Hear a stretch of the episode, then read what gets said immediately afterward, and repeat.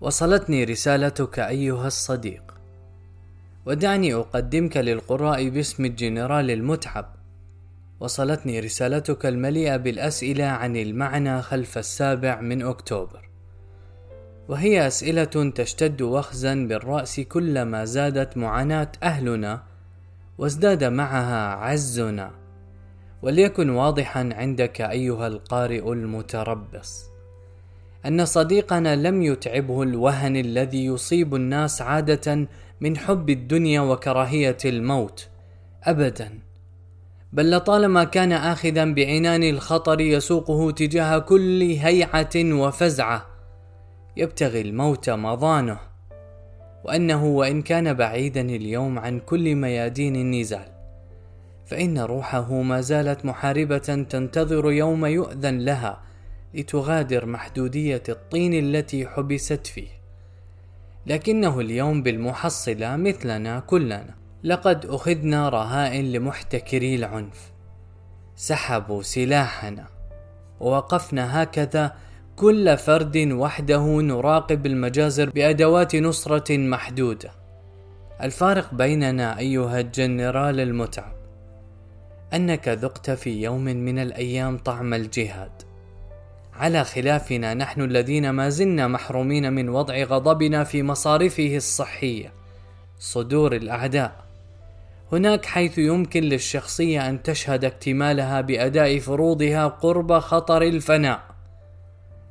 اذ سيتاح للإنسان أن يعرف كل شيء دفعة واحدة لكن بالمحصلة لن يعرف إلا شيئا واحدا. إننا نسكن فوق جناح بعوضة وعندما يرف جناحها ضيقا بنا ننتقل إلى فسحة بلا نهاية. يوتوبيا المؤمن. يوتوبيا المؤمن التي لا يرضى يوتوبيا غيرها. الآخرة. فاللهم لا عيش إلا عيش الآخرة. هذا جوهر ما يميز هؤلاء المقاتلين هو انهم لم يعدوا احدا بجنة الأرض. لم يخدعوا احدا كما تواترت ايديولوجيات الأرض على خديعة الناس. لقد أوقفوا أنفسهم أمام حقيقة الدنيا وضربوا موعدا مؤجلا مع كل متعها. تسد بهم كل ثغور الدنيا وبهم يتقى اعتياد المهانة. يموت أحدهم وحاجته في صدره لا يستطيع لها قضاء كما جاء في الحديث. صديقي الجنرال المتعب رسالتك مليئة بالأسئلة الحقيقية وهي أسئلة تدور في ذهني وفي أذهان كثيرين وأنا أكتب لك أساسا كاتبا لنفسي مذكرا إياها بالحقائق التي رأيتها يوم الطوفان. زاجرا لها أن يفزعها شيوع الموت وخذلان القريب والبعيد على أن تشك بما رأت. لقد جاء المجاهدون بالصدق وعلينا أن نصدق به لأننا سنسأل عن هذا بالذات سنسأل عن تصديقنا. تقول لي ما هدف السابع من أكتوبر؟ ولكن قل لي قبلها ما البديل عن السابع من أكتوبر؟ ما الذي تقترحه؟ وكيف كنا سنكون لولاه؟ عندما نكون على مفترق طرق بين طريق الفناء الأكيد وطريق فيه احتمال النجاة والنصر معا فما الذي تختاره؟ أو دعنا نفكر بكلمة الاختيار نفسها ما الذي أمامنا بعد تصميم عدونا على سحقنا عن بكرة أبينا ما الذي أمامنا حين يقدر الظاهر فوق عباده أن نظهر الحق ونخوض معركة فرقانه؟ غير أن نليق بقدرنا ونحتمله بكرامة وحمد لأن النصر وعد من يقبل أقداره ويكونها كما ينبغي. فالنصر مقام يوصل إليه بتمرين طويل من النصرة والقتال. ولكن دون أن نتخيل النصر نقطة نصل إليها وينتهي عندها كل شيء. إنه طريق. إنه طريق خلق وأقدار. ومع كل هذا أقول لك كل تقييم للحدث هو سابق لأوانه. لا يمكننا تقييم حدث ما وهو ما زال يحدث. والمحطات الفارقة في التاريخ تستمر في قطف ثمارها لسنوات حتى إذا وجدت نفسك بعد سنين وقد حققت نصرا كاسحا. قلت انظروا هناك. إلى تلك النقطة في التاريخ منها ستبدأ الحكاية. ما حدث ينتمي للأحداث الضخمة التي تفتح المستقبل على غيب محمل بكل الاحتمالات. وهذا يعني أن نتائج السنة القادمة ليست هي نتيجة المعركة النهائية فحسب وان ما سيحدث لاحقا أهم مما يحدث الآن على أهميته. من طبيعة الحرب أن تخسر معارك وتربح أخرى. من طبيعة الحرب أن تخسر معارك وتربح أخرى ما يحدد القيمة الكلية لجولاتنا مجتمعة. هو الوجهة التي تنتظم فيها هذه الجولات من القتال. إننا نبني البعيد الذي يخصنا بكل جدارة. وهذا البعيد رهين الروح التي ستخرج بها من هذه المعركة. هدف عدونا هو كسرنا للأبد. سيخسر الجيش النظامي حين لا يحقق أهدافه. ستنتصر مقاومتنا بمجرد قدرتها على الاستمرار وهو استمرار يصونه السياسي بإطفاء السردية والوجهة عليه. وهذه أيضا مهمة بناء السردية القوية للحدث والبناء عليها. أعرف أن سؤالك لماذا؟ هو بالطبع ليس سؤالا عن مشروعية المقاومة. أعلم. بل سؤال عن حجم العملية التي كانت لابد ستخلف وراءها ردة فعل مثل هذه. قد تشكل خطرا وجوديا علينا. حسنا، هذا تحديدا ما يجعل من 7 أكتوبر حدثا فارقا وهائلا. أنت تذكر عندما تحدثنا قبل معركة سيف القدس عام 2021 كان يغلب على تقييمي أنه جرى إخراج سلاح المقاومة خارج القدرة على الإيلام. جرى إخراجه. وبالتالي خارج القدرة على إحداث أثر سياسي. لقد تأقلمت إسرائيل مع جولات التصعيد وهو ما يتفق مع ما أوصى به تقرير راند الذي أجرى مراجعة لحروب غزة من 2008 وحتى ما قبل 2021 بأن نمط جز العشب الذي يتبعه الجيش الإسرائيلي هو أنسب نمط أي عدم القضاء على حماس وعدم الذهاب معها لمعركة صفرية. لقد كانت مقاومتنا في عين عدونا عشبا زائدا في حديقته الخلفية، وهكذا كان أهلنا وناسنا قتلى معروفة ديتهم. يقتلون في جولات متباعدة. ثم يقتلون ببطء خلال الحصار. ثم يقتلون عندما يحاولون الهرب. لقد جرى تحويل القطعة التي تحررت إلى كابوس ليجري تأديبنا كلنا. دخلت حركة حماس أيضا صيرورة التأقلم الخطره أصبحت حكومة ولها حساباتها إطعام الناس من الفتات وبيروقراطية متضخمة ولغة سياسية باهتة لا تقول شيئا ولا ترسم وجهة وتعتمد على الإنشاء العام. وبتنا نخشى عليها من مصير حركة فتح. فلا عصمة لأحد. هكذا كنا على أعتاب استبدال حماس بقوانين الله. لكن ما حدث؟ هو أن طليعة العبور ربطت حزاما ناسفا على وسط مرحلة سابقة وضغطت الزر كاسرة سنوات طويلة من قواعد الاشتباك من العقلانية المكلفة لنا ومن الرتابة ومن الصيرورة المرعبة للتدجين. إذا لم ندرك بعمق ما نوعية القرار الذي اتخذه هؤلاء الرجال المغامرون أشجع أهل الأرض فلن نراكم فهما على ما فعلوه. وبالضرورة لن تلوح لنا أنواره. فالأنوار في عصر الظلمات تحتاج إلى رؤيتها البصيرة والبصر معا ومن طمست بصيرته سيكون أي وهج محل ريبة له. عندما كنت متمسرا أمام التلفاز أول خمس ساعات تذكرت قولك عندما كنت شابا. مشكلتنا أننا لا نملك قائدا شجاعا مجازفا لم تخصه العقلانية. كما كان نابليون حين وصفه هيجل رأيت روح التاريخ يمتطي حصانه. يا صديقي لقد رأينا روح التاريخ تمتطي الفيزياء وتعبر السياج في 7 أكتوبر. فما لنا لم نعد قادرين على احتمال روعتنا. فما لنا لم نعد قادرين على احتمال روعتنا. لقد بدا وكأننا غير قادرين على منح ما حدث رهاننا الروحي خوفا من عواقب الصدمة. كأن رفسة من فرس تركت في الجبين شجا وعلمت القلب أن يحترس. أن يحترس من رفع سقف التوقع وترقب الحلم ومن فرط تعب الإرادة والجبن أمام جموح الحلم تدفع الناس لعدم تصديق قدرتها على الفعل. إننا بذلك نلتقي مع التعب الوثني الذي يفزع من أي حلول لعالم الغيب في عالم الشهادة ويبادر إلى إخراج المعية الإلهية واللامتوقع والتفاصيل الصغيرة والأشياء المخفية من التحليل. ويتسمر أمام المعادلات الحسابية ويفضل في النهاية أن يخسر في قواعد يعرفها على أن يربح في قواعد لا يعرفها. ليس الأمر هنا في ثنائية عقلانية ولا عقلانية بل في نوعين من العقلانية.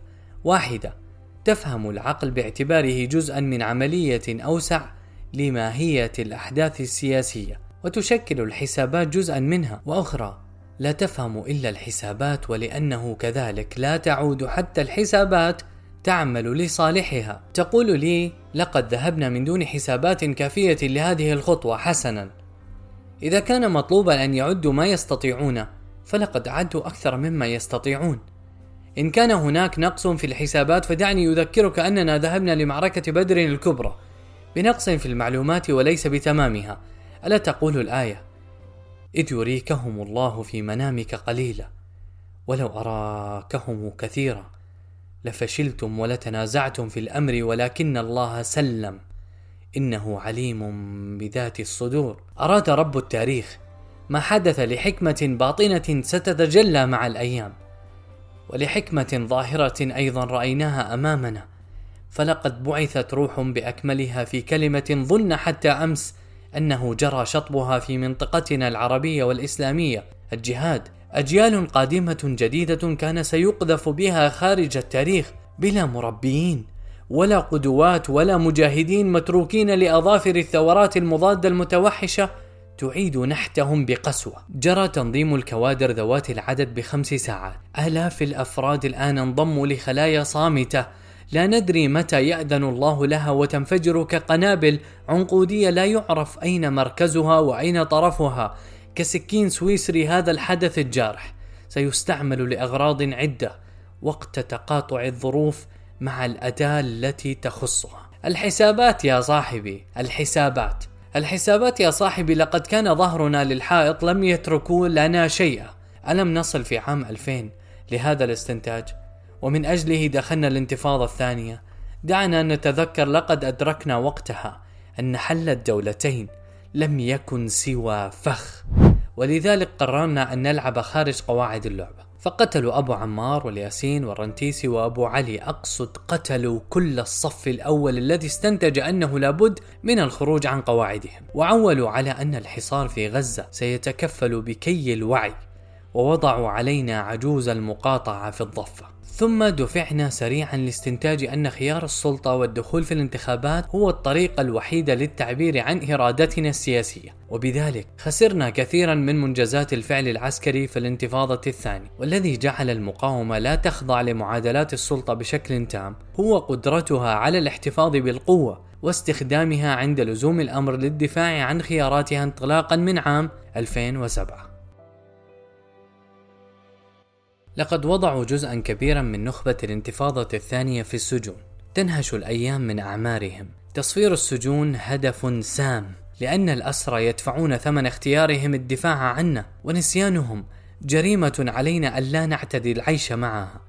إذا سادت ثقافة النسيان من يعتقل فسيصبح الفعل المقاوم في ذاته أقل قيمة في نفوس الناس في نفوس من هم في الأسر ومن هم خارجه من أهل ومجتمع. تصفير السجون ضرورة نضالية لأن عدونا من المهم أن يدرك على الدوام كلفة حياتنا وقيمتها خصوصا فيما يتعلق بالمناضلين الذين بادروا بتقديم حياتهم. وأننا سنستمر في الخطف والتبادل حتى لا تصبح مهانتنا سهلة.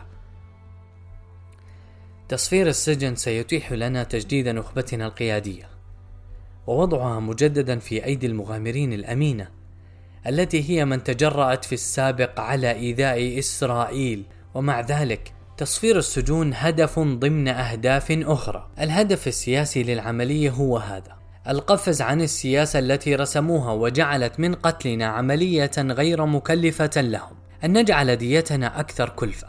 أن نخلق أفقا جديدا للجهاد في المنطقة يكسر مع ما سبق من مناوشات. أن نعيد ربط حلمنا بأحلام الناس المتروكين حولنا. أن نتمكن في المستقبل من الاستفادة من الروح التي انفجرت وعيا وغضبا وثارا في أجيال كاملة تنتظر وما بدلت تبديلا أن نكسر صورة إسرائيل وسطوتها ونجعل من أسطورتها التي بنيت على دمنا محط سخرية. وأن نكسر فكرتها القائمة على ردعنا وعلى التفكير ألف مرة قبل أن نمسها بطريقة تؤذيها. أن نكسر أمن المستوطنين ونشكك في ثقتهم بحراسهم. ليتحسسوا باستمرار جواز السفر الآخر ويراقبوا موعد الرحلة القادمة. ولكن أيضا أن نكسر النظام العالمي من خلال كسر إسرائيل. فليست إسرائيل احتلالا منعزلا تدعمه الدول الغربية بل هو تعبير حقيقي عنها وعن مصالحها وعن منظومتها العقائدية وهي قاعدة متقدمة لهذا النظام. ولذا جعل هذه الشراكة عبئا هو هدف سياسي لا يستهان به فما وضعته قاعدة متقدمة لك لا يستطيع حماية نفسه أمام قطاع صغير ومحاصر فكيف يمكن الاعتماد عليه في حروب قادمة؟ أكبر خفض قيمة مشروع إسرائيل في سوق العالم ورفع تكلفة بقائه. هذا ما تفعله مقاومته. إن هبة النظام العالمي لنصرة إسرائيل وولائهم وبراءهم فيما يتعلق بها يتجاوز فكرة المصالح. ولذلك نحن لا نهدد مصالح الغرب فقط بضرب إسرائيل بل نهدد فكرة الغرب نفسها. ونذكي النار في الجذوة التي لم تنطفئ يوما في تحديهم وتحدي هيمنتهم. من أفغانستان إلى العراق ومرورا بسوريا وليس انتهاء بفلسطين. هذا صراع تكثف آخر مئة سنة واشتد في آخر عشرين سنة منه حين انطلقت حملة تصفيتنا. باسم الحرب على الإرهاب. احتلال أفغانستان والعراق ثم الثورات على الأنظمة الوسيطة في بلادنا ثم الثورات المضادة وحمى التحالف مع إسرائيل. هل حدث كل هذا في عشرين سنة فقط؟ لابد أن تكبسل الزمن وتسارعه يطوي داخلهم بعاثة جديدة على وشك الحدوث ويدعمها عدم استقرار عالمي يشهد صعود الصين وروسيا. وتراجع أمريكي وأزمة اقتصادية تلوح بالأفق. إنها ظروف مناسبة لولادة الجديد من خلف ظهر العالم. فلنربط الأحزمة العشرون الأخيرة. تركض بسرعة آخذة من دمائنا كلنا. واضعة مصائرنا في اتجاه واحد. ليس لدينا خيار غير المقاومة. إننا نسهم بدورنا في حرب المواقع الجديدة التي تحاول تغيير نتائج الحربين العالميتين حيث دمر الجسم السياسي الذي يوحد وبتنا بلا مرجعية جامعة. مفتتين. يسهل إخضاع كل قطعة جغرافية على حدة. لقد حان الوقت لتغيير هذه المعادلة التي استقرت على أجسادنا ودمائنا طويلا. لابد أن نخرج أندادا من المعركة حتى مع من مدوا لنا يد العون. إننا طرف قوي وقادر على المشاركة في رسم شكل المستقبل. وتحالفاتنا هي تحالفات الأنداد فما حدث أعاد تعريف العدو لنفسه. وهذا جوهر كي الوعي ولكنه أيضا عاد تعريفنا عند الأصدقاء. وهذا جوهر التحالفات الندية. ستقول لي كيف سيحدث كل هذا ونحن محاصرون؟ كل ما نتمناه هو وقف إطلاق النار. أقول لك حدث بالفعل. لقد ظنوا أن الإبادة تكفي لردعنا قتلنا كلنا. إنهاء أي وجود لجماعة الفلسطينيين لقد جندوا جيناتنا لحربهم. وليس الموضوع يخصنا وحدنا. من طلق لن تتوقف انطلاقته. ونحن نؤدي دورنا خلاله لا أكثر. ربما يأخذ كل هذا وقتا طويلا. لكنه بدأ بالفعل. إننا نقف في المكان الصحيح من معارك العالم القادمة وليس أشد كلفة من أن تتحدى شر البرية كفرة النظام العالمي إلا أن تخضع لهم ولقد تجرعنا ذلك لسنوات. ألا تحن مثلي ومثل الملايين ممن ذاقوا ويلات هذا النظام؟ لتدفيعه ثمن العيش بكرامة. للموت ونحن نحاول على الأقل فنكون كمن مات في منتصف الهجرة إلى ما يحلم غريبا قد وقع أجره على الله. أراك تفكر في كل هذا وعينك على أدائنا السياسي الذي أخذ بسرعة يردد اسطوانة نوافق على حدود الرابع من حزيران 1967 نوافق على حدود الرابع من حزيران 1967 إنه يريد سريعا أن يقول للنظام أننا لسنا مجانين لدرجة أننا لا نملك حلولا ومقترحات أو أننا لسنا مارقين عن قواعدكم لدرجة التفكير بما هو أبعد لطالما كانت هذه الأدوار موزعة ومتناغمة. فلتحدث وفق منطقها وليقولوا ما يريدون. الوقائع ذهبت أبعد بكثير مما توحي لهم الأماني. فهذه الحلول تجاوزها الميدان منذ عام 2000 وجاءت صفقة القرن تتوج نتائجها. لم يعد لدينا مشروع سياسي وصيرورة أوسلو انتهت في الضفة حيث هناك دولة ولكن للمستوطنين أما مشروع غزة فقد قال كلمته ووضع خلاصته والداخل المحتل نصبوا عليه أبو رغال في حين أصبح اللاجئون خارج حسبة أي أحد. ولو نادى منادي الكون في 6 أكتوبر أيها الهنود الحمر أيها الهنود الحمر الجدد لالتفتنا جميعا. كثيرا ما كنا نردد معا أننا ننجح في العمل العسكري ونخفق في السياسة وبينما ركض العسكري متعلما ومستفيدا من كل ما حدث معه. وقف السياسي عاجزا عن تطوير أدائه ومتكلسا في لغته وارثا ذهنية فتح التي رسمت للجماعة الفلسطينية حدود تسييسها. كل هذا صحيح ولكني أرى هذه المرة أن تسييس العملية يكمن في ذاتها. أي أن العسكر اليوم يتحدثون السياسة ربما دون أن يقصدوا ذلك. وهذا مفهوم في اللحظات القصوى للقتال. لكنه لاحقا بحاجة إلى الترجمة في بقية أجهزتنا السياسية والإعلامية والتربوية. وعلينا أن نتذكر أن السياسة الكبرى تحدث في مكان بعيد عن هذا كله. هذا الحدث قادم من المستقبل ولذلك فإن لغته ستولد ببطء. وإن فواعله الجدد الذين سيهضمون نتائجه في جهازهم العصبي لم يظهروا على الشاشات بعد. ربما يكون منهم أصحاب البأس الذين ينتظرون انكسار باب السجن. وربما وربما يكونون في دفعة جيلية جديدة تكره الثرثرة وتفضل العمل طويل النفس. فلكل روح حرة نفقها الخاص في مواجهة أعين النظام الدولي. إن إسرائيل عازمة على سحقنا كلنا للنهاية. ورغبة النظام الدولي في وضع مسار سياسي يضفي شيئا من العقلانية على هذا الجنون اليهودي. لن تفلح. فلقد نجحنا في استفزاز غرائز الوجود الأساسية لمشروعهم ولئن كانوا يتذكرون احتمالية فنائهم مع كل مفترق طرق. منسجمين بذلك مع الجينات الثقافية لأجدادهم الذين وثنوا ديانة التوحيد. فإننا هذه المرة جعلنا هواجسهم حقيقة.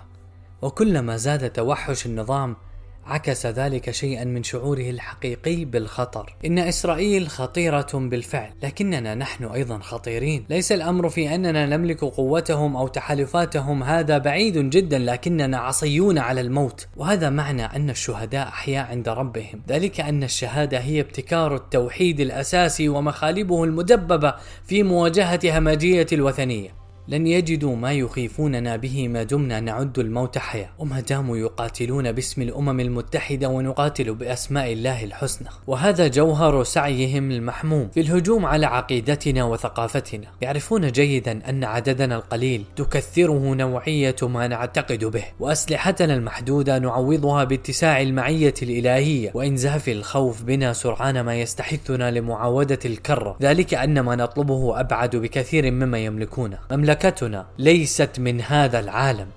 ومليكنا لا يشبه ملوك الأرض. تعالت حكمته فلا نحيط بها وتقدست قدرته فلا يعلو عليه أحد. نحن عبيد الذي بارك بما فعلنا ولن يضيعنا. صديقي الجنرال المتعب ثمة مسحة من جنون بمن يفكر في قلب الطاولة على النظام العالمي مرة واحدة. لكنه جنون يمكن شرحه. عقلانيتنا الباردة تجاه ما يحدث هي العصية على الشرح والأسوأ أنه لا يمكن الدفاع عنها. يوم السؤال الأكبر.